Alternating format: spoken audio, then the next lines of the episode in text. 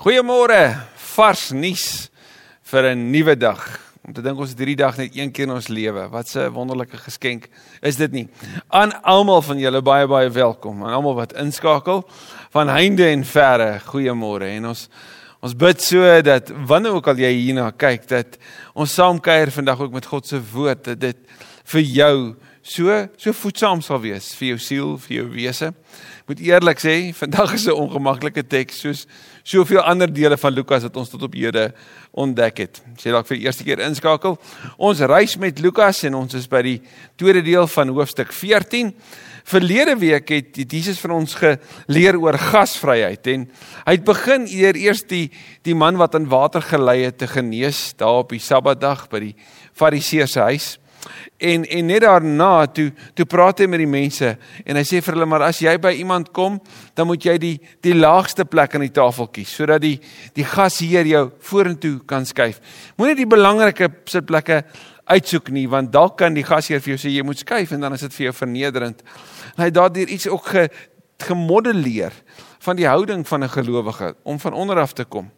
En daarna toe sê hy maar daar was 'n uh, uh, toe gebruik hy die gelykenis, daar was hierdie hierdie befaamde man, hierdie adelike wat 'n groot feesmaal ge, gereël het. En elkeen wat sou kom het het verskoning gesoek en en gesê maar ek kan nie kom nie ek moet my grond gaan kyk of ek moet my my diere gaan gaan kyk of ek moet na my na my huwelik ek is pas getroud ek moet daarna gaan kyk. So almal het hierdie hierdie verskonings hierdie nuttelose verskonings gehad En en dan sê Jesus maar hierdie man sê toe maar gaan gaan na die landings toe. Gaan na die die die, die eenvoudige plekke van van hierdie stad toe en gaan haal die mense die die armes, die krepeles, gaan gaan haal hulle almal wat wat nooit sou genooi word na iets so groot en so spesiaal nie. Want ek wil nie hê my feesmaal moet moet moet leeg wees nie. Ek soek almal daar wat wat nie genooi sou wees nie. Ek wil hulle nooi na my plek toe want die mense wat genooi was het nie die uitnodiging aanvaar nie. Hulle het nie gekom nie. Hulle het dalk vinnig ja gesê maar het nie gekom toe die tyd daar was nie. Hulle het nie die geleentheid aangegryp nie. So gaan haal die ander want ek wil hê my my tafel moet vol wees. Ek wil hê my huis moet vol wees hierdie hierdie gasvryheid en dan sê sê Jesus hierdie tipe gasvryheid moet ek en jy ook toepas. Ons moet mense nooi na ons tafels toe, na ons lewens toe wat nie in staat is om dit terug te betaal nie. Gelowiges het dit geleef. Die kerk het gegroei juis omdat hulle hierdie beginsel gesnap het. Maar vandag vat Jesus dit nog 'n trappie verder. Hy vat ons na nog 'n vlak toe van wat dit beteken om hom te volg. So as jou sitplek gordel vas is, kom ons hou vas en ons bid dat die Here ons ook hierdeur tree vir tree sal lei soos wat hy in Jakobus 1 vir ons bevestig nê nee? dat wanneer ons bid vir wysheid sal hy dit gee want God gee dit onbeperk aan almal wat dit vra kom ons bid saam Vader van liefde dankie vir u woord en dankie vir hierdie dag dankie vir hierdie geleentheid Here waar ook al ek is in die wêreld waar ook al ek is op my reis dat u ook vandag met my wil praat Here help ons om om nie strooi suiker oor die teks te gooi nie. Help ons om nie met ons ons harte weerstand te bied teen wat u hier sê nie, maar om onsself regtig oop te stel vir wat dit is wat u ook in ons lewe wil openbaar vandag.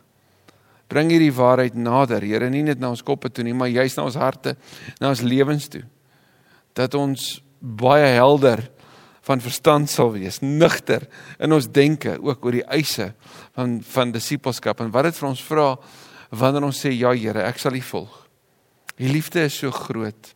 Daar is geen einde daaraan nie. U liefde dring ons, U liefde bring ons in beweging.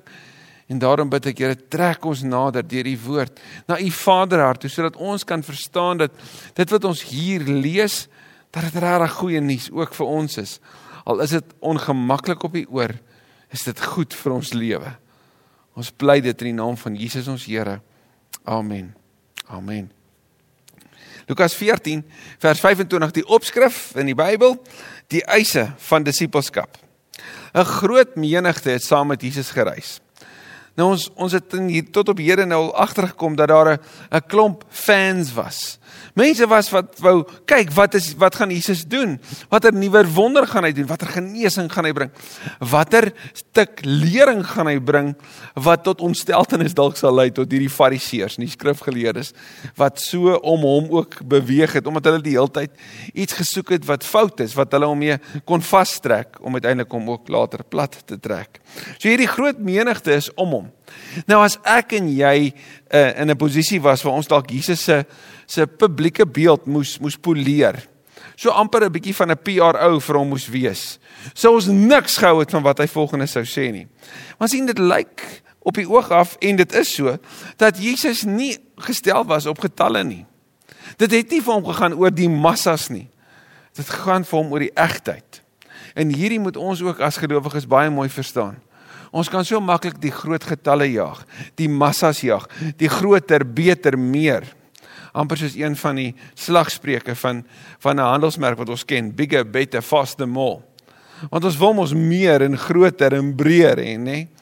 Maar dit lyk vir my vir Jesus gaan dit oor dieper en meer intiem en en meer weggee en die sterf van die individu. Kom ons sien. Hy draai toe om en sê vir hulle vers 26: As iemand na my toe kom, kan hy nie my disipel wees nie tensy hy afstand doen van sy eie vader en moeder en vrou en kinders en broers en susters, ja selfs van sy eie lewe. Hierdie is die eerste van 4 beelde wat Jesus gebruik om die eise van disippelskap baie duidelik vir sy hoorders en vir jou en my duidelik te maak. Ons sien hierin dat die eerste eerste stelling wat Jesus maak gebruik hy in die negatief. Hy sê dit is nie moontlik nie. So so om met 'n negatiewe te begin, gaan onmiddellik vir mense sê wel, as ek nie daaraan voldoen nie, dan kwalifiseer ek nie. En wat is die eerste kwalifikasie? Loyaliteit. Jesus sê en in die in die direkte vertaling van die Griekse woord van afstand doen, het die Engelse vertaal met die woord haat. En en ons kan hom baie maklik misverstaan want ek wil hoe moet ek my ouers haat as ek Jesus volg? Die bedoeling hiervan is my lojaliteit moet groter wees aan Jesus as wat dit is aan my etniese of my aardse familie. Dat ek regtig sal sê Here, maar ek het U liewer. Ek het hierdie familie van God, hierdie familie wat reg oor die wêreld is, wat aan mekaar gebind is vanuit ons geloof in U en ons gemeenskaplike belydenis dat Jesus die Here is. Ek het hulle liewer as my aardse familie. My lojaliteit aan my geloofsfamilie is groter. Dit is so lekker om by Kersonmure te praat van geloofsfamilie en te weet dat dit regtig is van 'n uh, 'n situasie van boeties en sissies reg oor die wêreld versprei wat hierdie gemeenskaplike belydenis dat Jesus die Here is deel en daarom ook op 'n baie baie spesifieke en besondere manier aan mekaar gebind is. Jesus sê, jy kan nie my volg as jou lojaliteit aan jou familie groter is aan jou as jou lojaliteit aan my nie.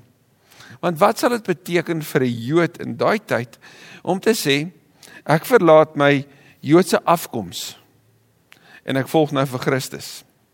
Is daar 'n voorbeeld in die Bybel waar hierdie gebeur waar iemand sê wat voorheen vir my belangrik was, is nie nou meer nie, want om Christus te ken oortref alles in waarde? Ja, jy's reg. Dit staan in Filippense 3 en die einste man wat dit sê is 'n Jood. 'n 'n skrifgeleerde, 'n fariseer, 'n leier, iemand wat onder Gamaliel ge, geswat het, 'n egte Hebreër op die 8ste dag besny. In wetstoepassing en die onderhouding daarvan was daar nie sy gelyke nie. Hulle het hom aanvanklik geken as Saulus van Tarsus, maar hy het Paulus geword, die apostel. Die een wat vir jou en my sê dat om te lewe is my Christus en om te sterwe is my wins. Die een wat sê dit wat voorheen vir my belangrik was, is nou vir my skieballon. Dis verwerplik. Dis afstootlik.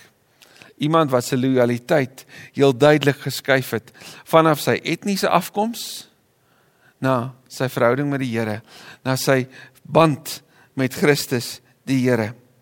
Hier is 'n baie realistiese kyk. Eerstens op wat dit sal beteken om Jesus te volg. Dit sal beteken dat ek en jy sal bereid wees om te sê, Here, ek volg U al verstaan my familie dit nie. Al ondersteun my familie dit nie. Al maak dit van my 'n vreemdeling in my eie huis. want om U te volg oortref alles in waarde. Darrell Bock sê discipleship is fundamentally a call to allegiance. 'n roep na na hierdie toewyding om te sê ek is toegewy aan Christus en geen ander familie of volk het vir my dieselfde waarde as om aan Christus gehoorsaam en getrou te wees nie. Vers 27 Iemand wat nie sy eie kruis dra nie, kan nie my disipel wees nie. Hoor jy weer daai woord kan nie. En wat is die tweede beeld wat Jesus gebruik? Die van 'n stauros. Nou die Jode sou weet en en en hulle het dit as as benede hulle beskou die Romeine nog meer want geen Romein was ooit gekruisig nie. Maar die Jode sou weet dat wanneer hulle die die woord stauros of of hierdie hierdie kruis hoor dat dit nie 'n pragtige silwer kruisie is of 'n goue kruisie is wat jy met 'n kettingkie om jou nek dra nie.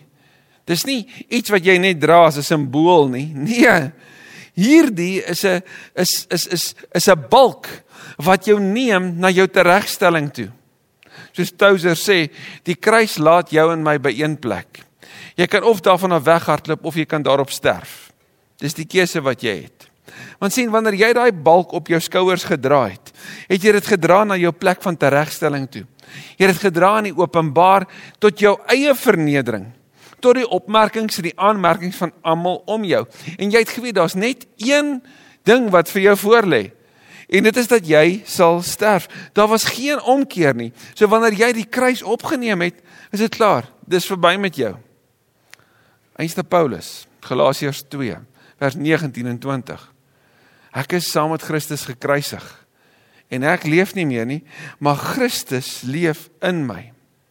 Daarom sal een van die kommentare sê bearing your cross is essential. It's not incidental. As Tabitha aan jou bile dit sê, dan is dit hierdie man van van Jamaica wat sy land gelos het uit gehoorsaamheid aan Christus en 'n kerk gaan plant het in Washington van alle plekke. En die boodskap wat wat hy bring in die gemeente wat hy geplant het, is nie vol strooi suiker nie. Dit is nie sag gemaak nie. Dis nie bedoel om die getalle te bring en die mense te beïndruk met vreeslike heerlike inspirasie woordjies nie. Dis die waarheid. As jy Jesus volg, is die eerste woorde sterf. Soos een van die bekende geleerde sê, when Christ calls a man, he calls him to come and die. Jesus roep jou om te sterf. Jesus sê jy kan my nie volg as jy nog wil leef nie. Jy kan my net volg as die kruis deel is van jou lewe en weer eens Jesus sê jy kan nie my navolger wees nie. En hierdie woord disipel, navolger, kom sê vir jou en my ek stap agter hom aan. So Christus vra niks van jou en my wat hy nie bereid was om eers te doen nie. Nou einste Paulus, Filippense 2, sê Christus het sy huis verlaat. Hy het die hemel verlaat. Hy het onder ons kom woon. Hy het 'n mens geword en hy het gesterf aan 'n kruis. So volg ons hom in hierdie roete want hy het dit vir ons kom doen toe ons dit glad nie verdien het nie. Toe ons verlore was in ons sonde toe ons in ons pogings om by God te probeer uitkom dit elke keer verloor het gemis het. Jy kan nie my volg as jy net die pad agter my aanstap nie. As jy nie jou kruis opneem en en agter my aanstap nie. Vers 28 wie van julle wat 'n gebou wil oprig gaan nie eers sit en die koste bereken om te sien of hy genoeg geld het om die werk te voltooi nie. Anders as hy die fondament gelê het en nie in staat is om die gebou te voltooi nie, sal almal wat dit sien met hom die spot begin dryf. Hulle sal sê: "Hier is 'n man wat begin bou het, maar hy kon nie klaar maak nie." So Jesus sê: "Eerstens familie, jou skei van jou lojaliteit. Tweedens kruis. As jy my wil volg, moet jy jou kruis dra. Derdens, as jy my wil volg, moet jy verstaan dat jy jou sommetjies moet regmaak. Dit gaan jou kos. Hierdie is nie 'n baie maklike oproep om te sê, "Wil jy vandag opstaan en en Jesus aanneem?" En dit is alles goed en reg. Dis nie so vinnige uitnodiging nie. Dit is 'n baie direkte, "Goed, neem jou neem jou papier en skryf op. Maak jou som. Sê daar, hierdie gaan my laat sterf. Hierdie gaan my elke dag iets kos.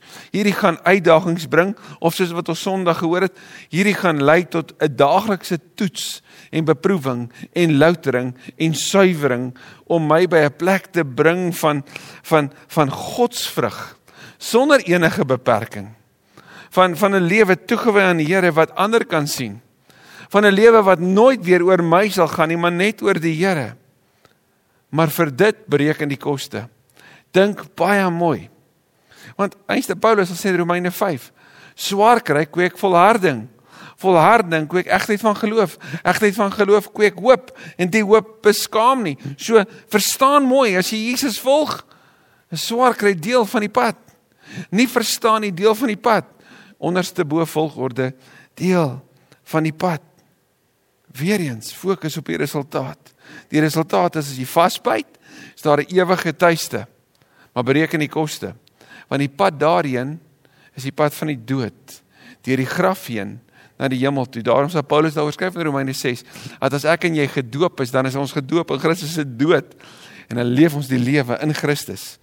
Maar dit is deur sterwe die oog gefokus op die hoop wat kom. Paulus sê dat as jy begin en jy maak nie klaar nie, as jy begin bou jy maak nie klaar nie, hierdie gebou wat vir jou eer moes bring in die samelewing, bring nou vir jou skaamte. Mense sal kyk en sê, "O, so jy het begin en toe nie klaar gemaak nie." Dit gaan shame op jou bring. En niemand wil skaamte oor lê nie. So bereken mooi, besluit om dit te doen en maak dan klaar. Beleef die vreugde van die harde werk wanneer jy terugkyk en sien, ek het begin bou en ek het nie opgehou nie. Al het ek nie verstaan nie. Al was die geld by tye min. Al was die harde werk by tye so erg dat dit my oorweldig het. Maar die gebou staan. En en die gebou is klaar vir almal om te sien. Maak daarom die werk klaar vir Christus wat wat een van die beskrywings van van die woord is nie net timmerman nie maar die beskrywing van die beroep wat sy pa beoefen het en wat hom geleer het as 'n jong man was die van 'n bouer. Christus het verstaan wat dit beteken om te bou en om klaar te maak. Bereken die koste. Wat dit sal jou kos. Tweede beeld van hierdie bereken die koste is die van 'n van 'n koning wat wil oorlog maak en daar word gereken dat in daai tyd het Herodes Antipas 'n oorlog gevoer en en hy het in 'n veldslag baie lelik tweede gekom. So so almal het geweet wat dit beteken om die neerlaag die die nederlaag te te ly, om die vernedering van verlies, van verloor te moet beleef. Jesus gebruik daai beeld in vers 31.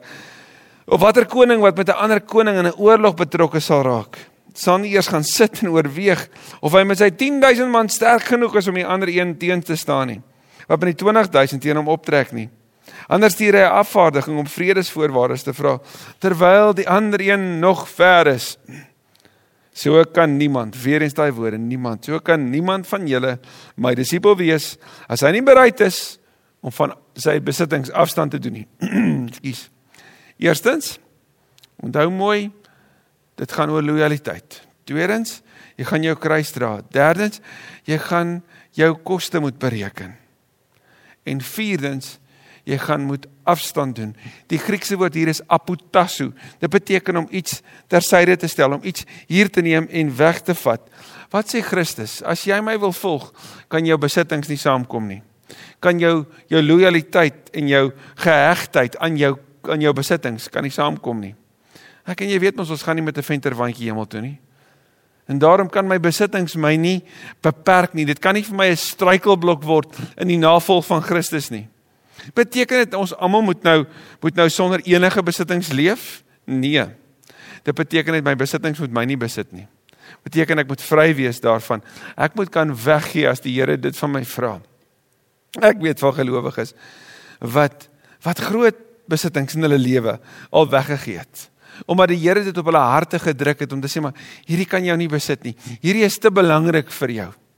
Jou liefde vir my en jou vertroue op my moet groter wees as as jou beheptheid met besit. Jou trots op wat jy het. Jou jou trots moet op my wees. Jou jou vreugde moet in my lê. So daarom moet jy bereid wees om dit eenkant te plaas. Jo. Dink net oor hoe hierdie ons evangelisasie gesprekke sal sal verander as ons hierdie verstaan. Stel jou voor, jy sit met iemand in 'n koffiewinkel en jy praat met hulle oor die evangelie. En jy sê vir hulle, weet jy wat Jesus van jou vra? Alles. Hy vra jou lewe. Hy vra jou besittings. Hy vra jou familie. Hy vra alles. Is jy bereid om hom te volg wat alles vir jou gegee het? Want sien Jesus het die hemel verlaat. Jesus het niks gehad nie. Hy het nie eens 'n plek gehad vir sy kop om te rus nie. Hy kon nie homself roem op 'n 'n woning op aarde nie. Hy het 'n lewe van weggee geleef en tog het hy so vertrou op die Vader en op die missie en die roeping wat hy gehad het dat hy brood en vis met almal gedeel het. Dat hy weggegee en tyd gemaak het. Dat hy by tye vir 40 dae alleen in die woestyn versoek is en gelei het. En tog God se voorsiening en sorg beleef het. Hy sê volg my. Volg my. Hy vra nie vir baie nie. Hy vra vir alles. Ek en jy word gevra dink baie mooi. Darrelbox skryf so: A disciple's attachments are potentially the most destructive thing for discipleship. Dit wat hier naby ons is, trek ons aandag so maklik af. As Jesus sê jy moet dit neerlê vir my. Sal ek en jy vandag ja sê? En dan eindig hy hierdie hierdie hoofstuk af met 'n baie praktiese beskrywing van wat dit beteken om hom te volg en van die impak wat gelowiges moet maak. Vers 34: Sout is 'n goeie ding, maar as sout verslaan het, waarmee sal dit weer sout gemaak word? Nou die sout in die in die in die tyd van die Bybel is nie die sout wat ek en jy in heerlike tafelhouertjies koop of of sien nie. Dis dis anders. Dis dis nie so verwerk nie. Dis nie so suiwer nie. sien die sout daardie dooie see se wêreld het het soms verslaan. Interessant genoeg dat die Griekse woord vir verslaan is is die die woord moron moronomai. Moronomai. Nou hoor jy moron, moronomai. Dis om laf te wees, om van jouself 'n uh, 'n nar te maak. Die Engelse beskrywing is foolishness. Jesus sê, julle is sout. Maar as sout verslaan word, as sout foolish geraak het, waarmee sal dit weer sout gemaak kan word? Jesus sê wanneer julle my volg, moet dit nie vermeng met iets anders nie. Dan become fools. En ons word so vinnig foolish wanneer ons begin om om hierdie suiwere wandeling met die Here te vermeng met ander waarhede. Wanneer die waarheid van die evangelie, wanneer God se woord verwater word na opmerkings soos dis maar net woorde oor God. Is maar net gedagtes uit 'n ander wêreld. Dis dis dis idees, filosofiese konsepte vir 'n wêreld wat nie vandag bestaan nie. Ons weet vandag mos baie meer. Vandag het ons dit en dat en dit en dat en op daai manier, op daai manier verwater ons die diep waarheid en die tydlose waarheid. Die relevantie van die woord wat vars en nuut elke dag is vir ons lewe vir vandag. As ons lees wat Paulus daaroor skryf, dan sê hy, maar die woord is is geïnspireer. En die woord is in staat om jou en my te vorm sodat ons deeglik voorberei is vir elke goeie werk. Dit lei ons, dit rig ons, dit stuur ons. O, ons moet dit nie afwater nie. Ons ons moenie ons wandel met die Here foolish maak deur dit te vermeng met ander ideale nie. Jesus sê dit gaan moeilik wees. En en daarom is dit so maklik om 'n moeilike pad te probeer vermy. Om 'n kort pad te vat, 'n ander pad te stap, om 'n ander roete te probeer of om eers vir iemand te vra om my te abba. Nee, dis my wedloop en ek moet dit klaarmaak. Ek moet mooi verstaan dat sodra ek begin om om iets anders by te trek, dan is ek besig om laf te word, om verslaan te raak, om foolish te wees en hierdie foolishness is vir almal sigbaar.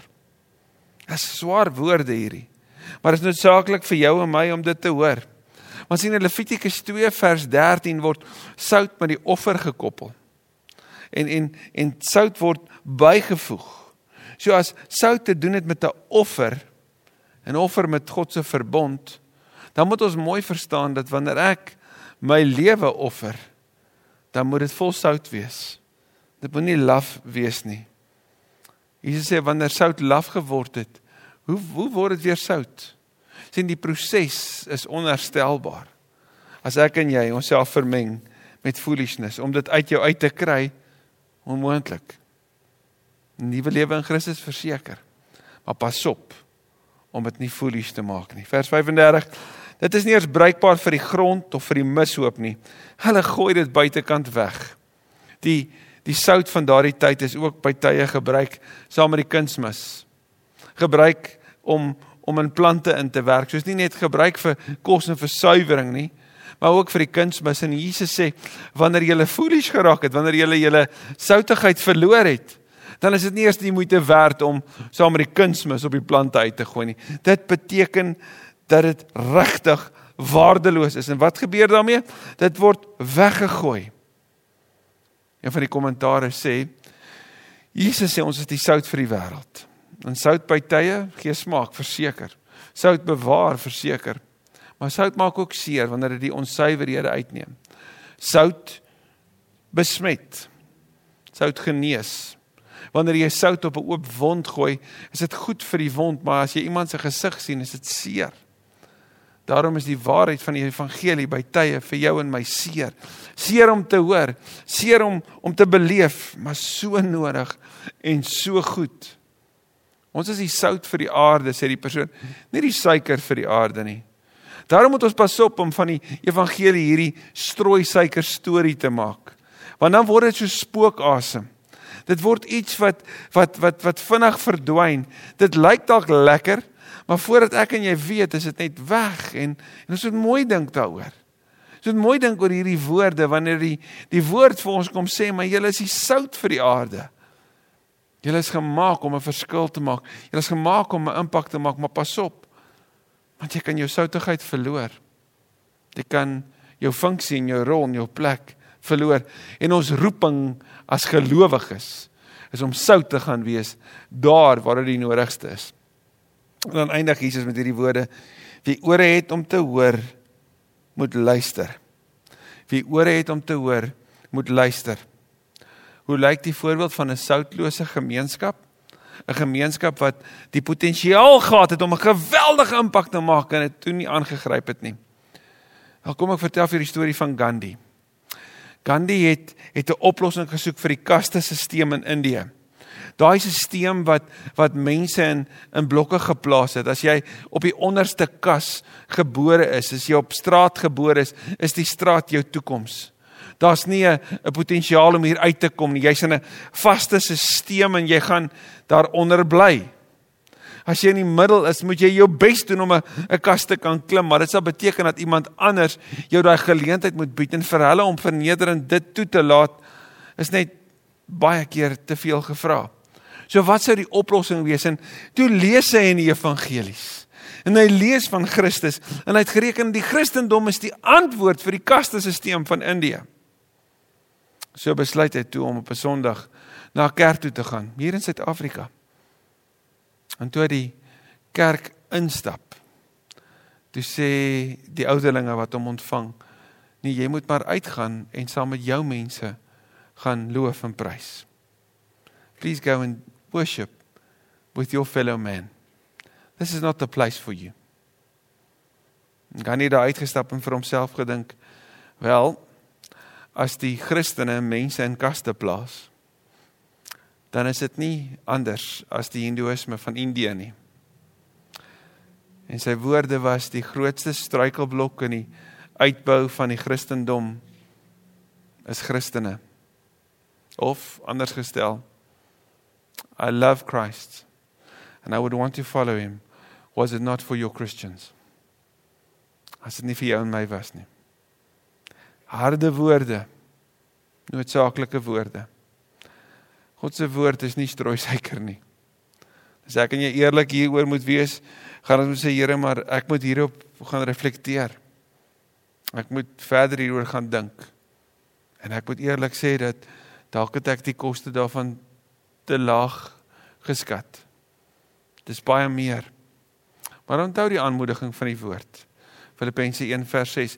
God wat die goeie in julle begin, ek is vol daarvan oortuig dat hy dit sal klaarmaak. So God werk in my om dit te wil doen as ek hom toelaat. Filippense 2 dat God julle gewillig en bekwam maak om sy opdragte uit te voer. Weerens, die Here wat dit doen. Filippense 4. Ek is tot alles in staat deur hom wat my krag gee, deur hom wat my krag gee. So hy stel my in staat. So wanneer ek en jy dink, maar hoe gaan ek dit doen? Ek gaan nie. Hoe gaan ek dit regkry? Deur al hoe meer oor te gee. Deur al hoe meer te sê neem beheer van my lewe, Here neem beheer van my dade en my gedagtes want wat wat mag wat ek sê en wat ek dink vir u aanneemlik wees o Here my verlosser kom ons bid dit ook vandag amen dankie Jesus dat ons regtig hierdie woord met 'n amen kan eindig dat ons kan bid Here laat dit so wees in ons lewe dat dit so wees dat wat ons sê en wat ons dink vir u aanneemlik sal wees welgevallig sal wees vir u Here wanneer ons hierdie teks vandag ook net weer op reflekteer en en dit intens beskou dan moet ons eerlik sê dit dit klink net te kwaai. Loyaliteit kan ons kan ons nog verstaan. Kruisdra is vir ons 'n vreemde konsep. Selfs om te dink om my elektriese stoel op te neem en u te volg is 'n verskriklike gedagte, maar is ook iets wat ver staan. Om te dink om 'n om die koste te bereken is is dalk iets nader in ons lewe want ons werk gereeld met debiete en krediete. Maar Here, afstand doen van ons besittings.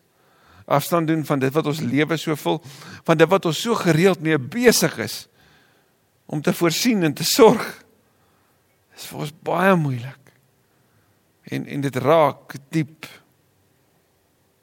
Gees van die lewende Here, kom werk in ons. Kom bring in ons 'n 'n gewilligheid. 'n 'n liefde, nie net vir u woord nie, maar vir u werk in hierdie wêreld na vore sodat ons regtig ligter kan leef. Vry van die sorges wat wat ons lewe so dikwels volmaak. Vry van die van die fokus op besit en al die energie wat dit vra. Vry om 'n lewe te leef van oorvloed wat net deur u moontlik gemaak kan word. Vry omdat daar 'n oorwinningsprys vir ons wag wat Christus vir ons bewerk het. Ons bid dit in die naam van Jesus ons Here. Amen. Amen. Skep moed geliefde en volg die Here. Dis altyd die moeite werd en dis altyd die beste. Want die beste manier om die lewe te leef is die Jesus lewe. As die Here wil, sien ons mekaar weer volgende week.